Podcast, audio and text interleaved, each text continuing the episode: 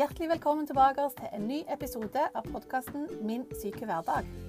Dagens tema er triggere i hverdagen. Jeg skal gi deg litt mer informasjon og ny kunnskap, og håper at det kan være til hjelp for deg i din hverdag.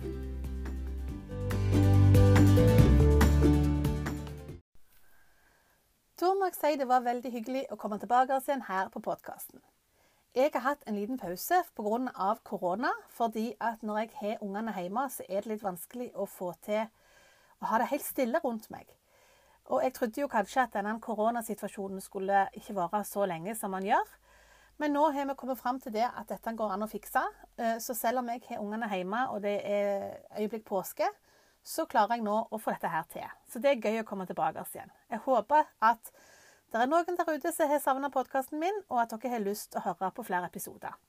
Så nå vil det komme en ny episode hver onsdag.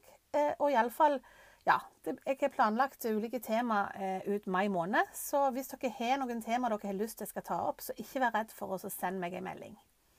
Men dagens tema det er triggere i hverdagen.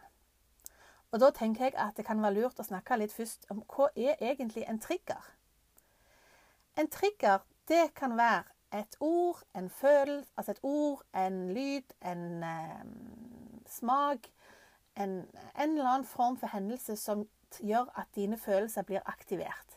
Noe som minner deg på at eh, du har en erfaring med dette fra før, eller at det kan ligne på en erfaring du hadde før.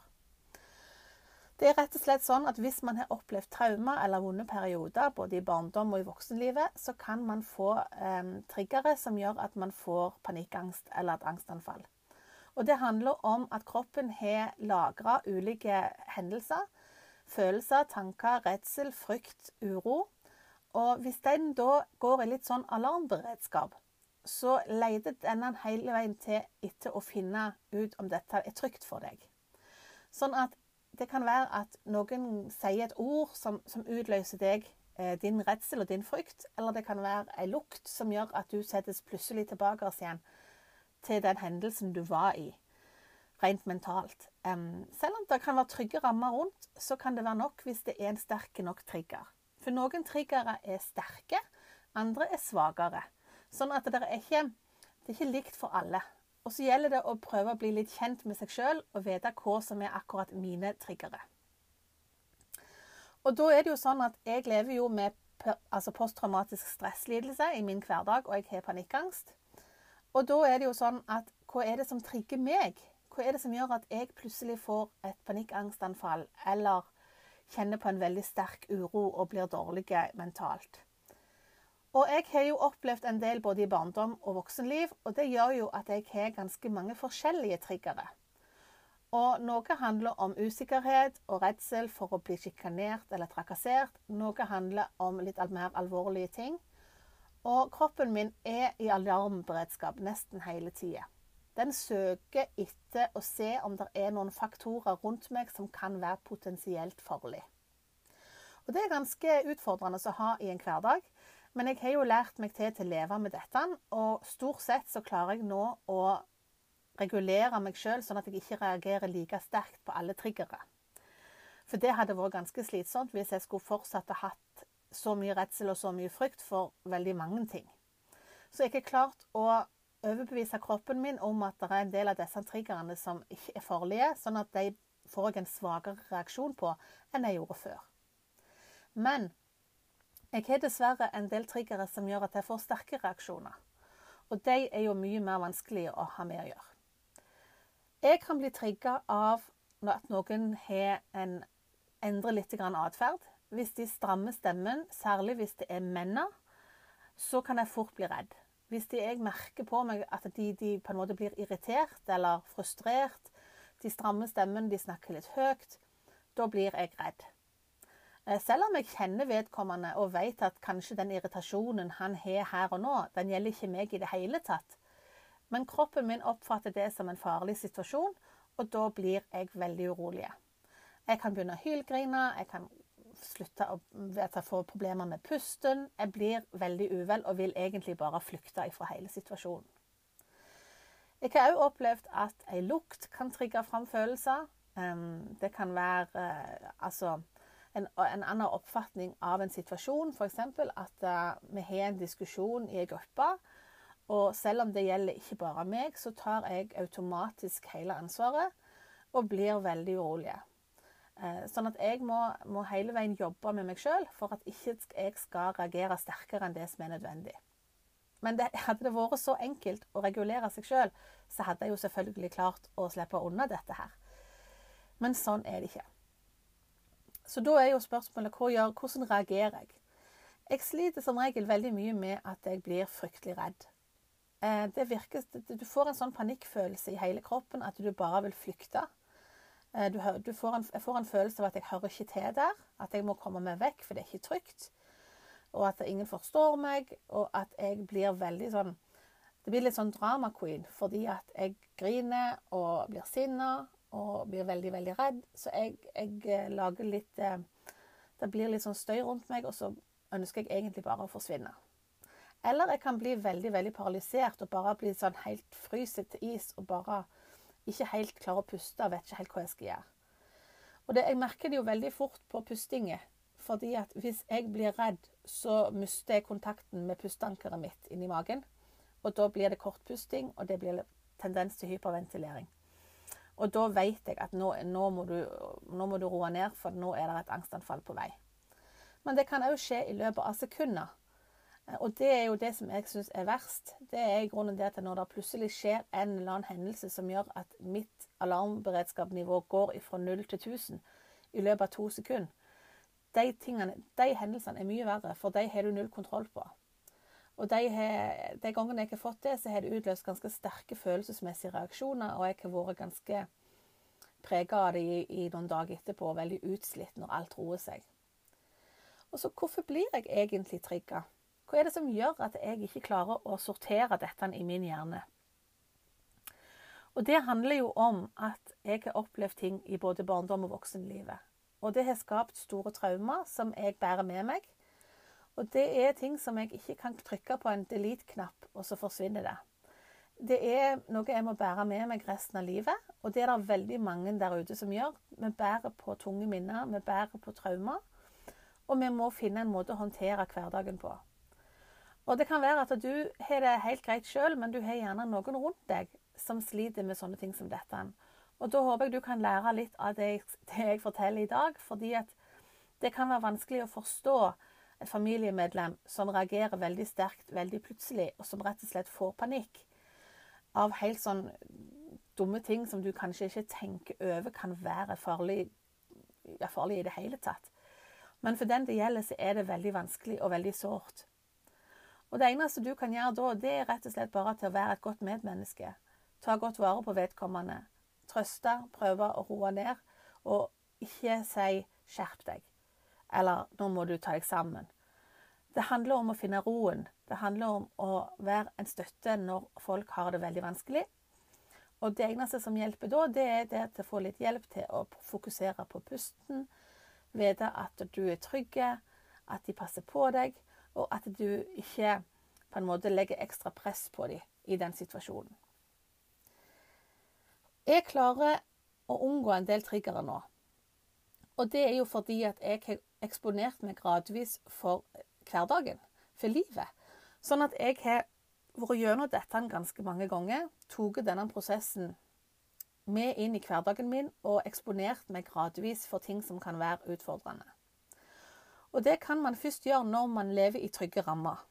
Det er veldig viktig at man har en trygg grunnmur som vi står på, og at vi har folk rundt dere som kan være til hjelp og trøst og støtte og som kan være med og se i etterkant hva som gikk galt.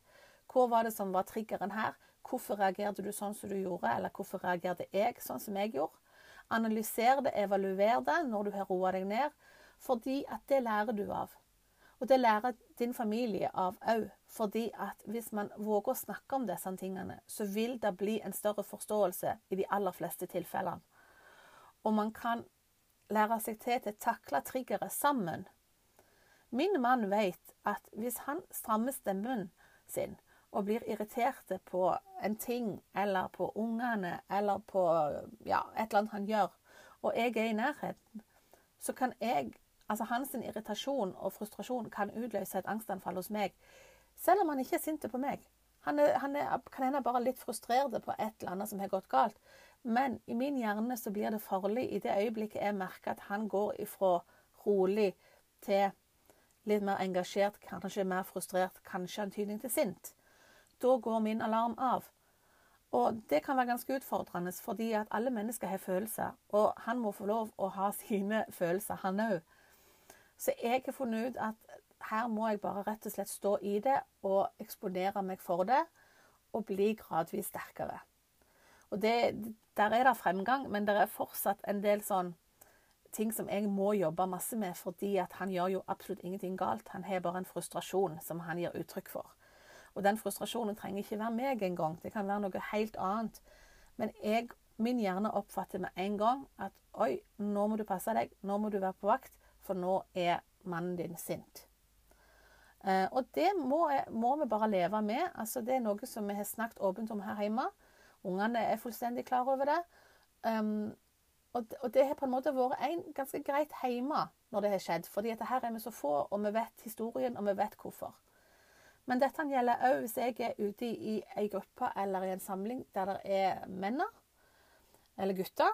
Og hvis de da kommer i en diskusjon, hvis de blir veldig engasjert, da blir jeg urolig. Så jeg må jobbe veldig hardt med dette.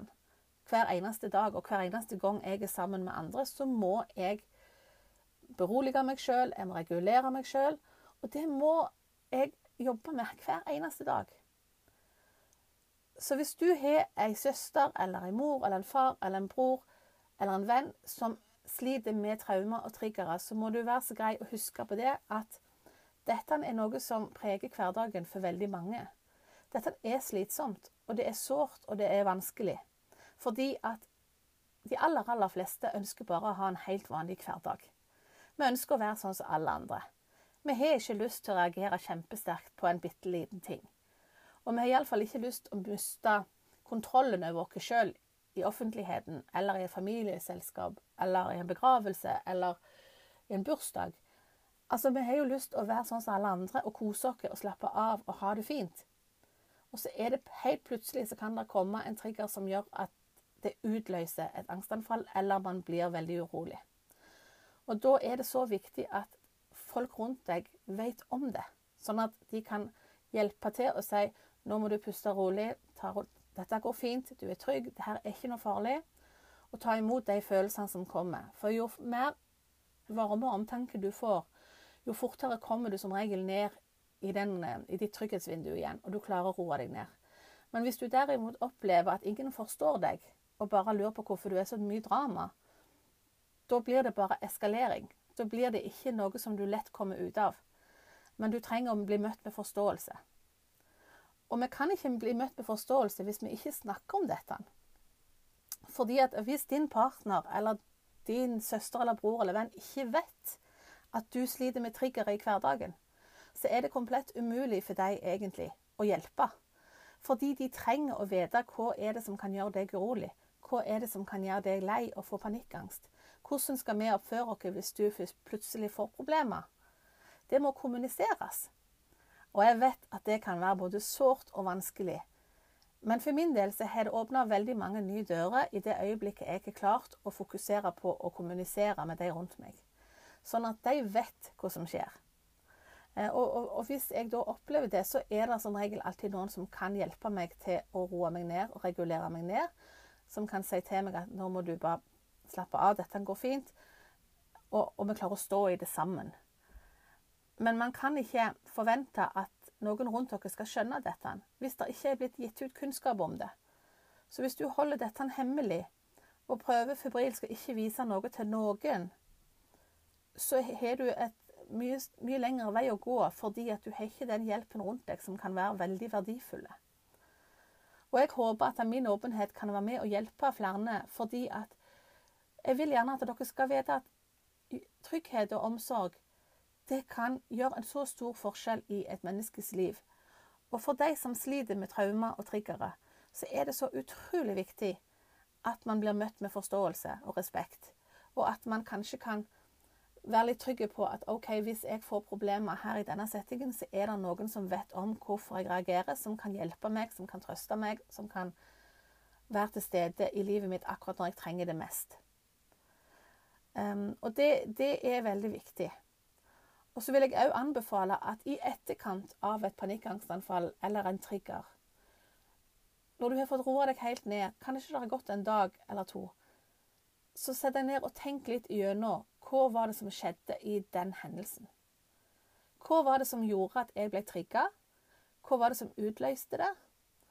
Hva, hva, hva skjedde egentlig med meg? Og hvordan, hvordan kan jeg lære dette til neste gang? Sånn at jeg kan lære kroppen min at dette her er faktisk ikke farlig. For det er det vi må gjøre. Vi må overbevise kroppen vår om at den triggeren som du kjenner på, den skader deg ikke. Det er bare en trigger. Det er bare, en, det er bare et ord, en følelse, en lukt som minner deg om noe som har vært, men som ikke er eh, din situasjon nå. Og vi må hjelpe kroppen til å legge det bak seg. Hjelpe kroppen til å tenke at dette her har vi blitt ferdige med, nå er vi i trygge omgivelser, dette går fint. Og det vil ta tid. Det er ikke sånn som skjer over natten. Men gradvis vil du jobbe deg sterkere, du vil jobbe deg tryggere, triggerne blir svakere. Og det blir ikke så mange triggere som kan gi så store omveltninger i din hverdag. Men her handler det om å være brutalt ærlig mot seg sjøl. Finne ut hva var det som var triggeren, hvorfor utløste den med min uro, hvordan reagerte jeg? Hva kan jeg gjøre annerledes? Og hvordan kan jeg eh, få hjelp av de rundt meg til å takle dette på en bedre måte i neste runde? Um, og jo tryggere rammer du har rundt deg, jo, mer, altså jo bedre sjanse har du til å få en hverdag med minimalt med triggere. Jeg for min del jeg har vært veldig nøye på det å lage den trygge rammen. Få en eh, forutsigbarhet, en struktur, stabilitet som gjør at jeg klarer meg veldig bra.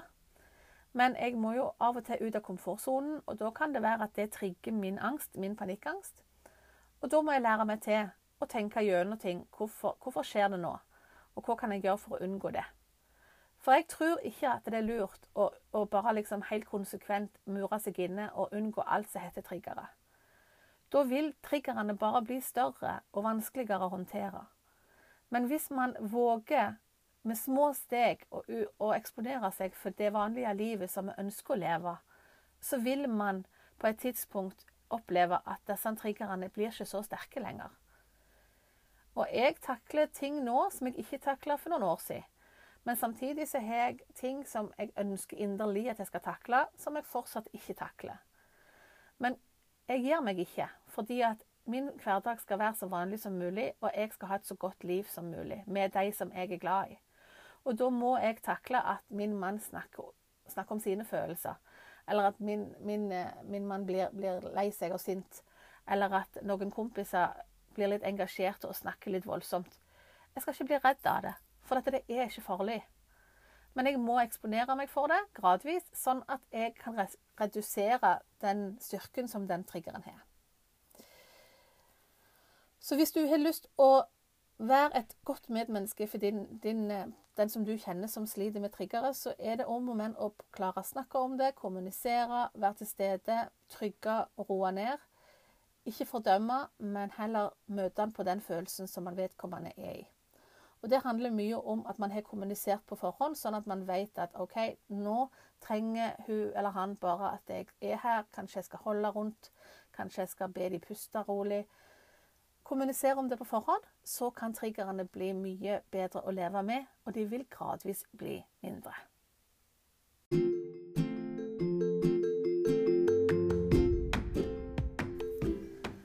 Da er det på tide å runde av denne episoden. Jeg håper at du har fått ny kunnskap, og at du har lært litt om hvordan du kan håndtere triggere i hverdagen, og hvordan du kan være et godt medmenneske. Neste uke vil jeg komme med en ny podkast, og da er temaet trygghet i hverdagen. Jeg vil minne deg om at nå når påsken setter inn, så kan det være lurt å snakke med noen hvis du har det vanskelig. Så jeg vil bare minne om at Mental Helse har sin hjelpetelefon 116 123, og de har også side med ord.no. Der sitter det fagfolk som kan hjelpe deg hvis du syns at dagen blir litt vanskelig, eller du har ulike utfordringer som trenger hjelp til. Jeg vil da ønske deg en riktig god og fin påske. Ta godt vare på deg sjøl. Pass på at familie og venner og deg har det så bra som mulig i disse koronatidene. Og så vil det komme en hverdag til slutt som er nokså lik den vi har hatt før. Men denne påsken så får vi ta, legge godviljen til og gjøre så godt vi bare kan. Og unne oss noe godt. Og ikke glem at du må være din egen beste venn. Vi snakkes.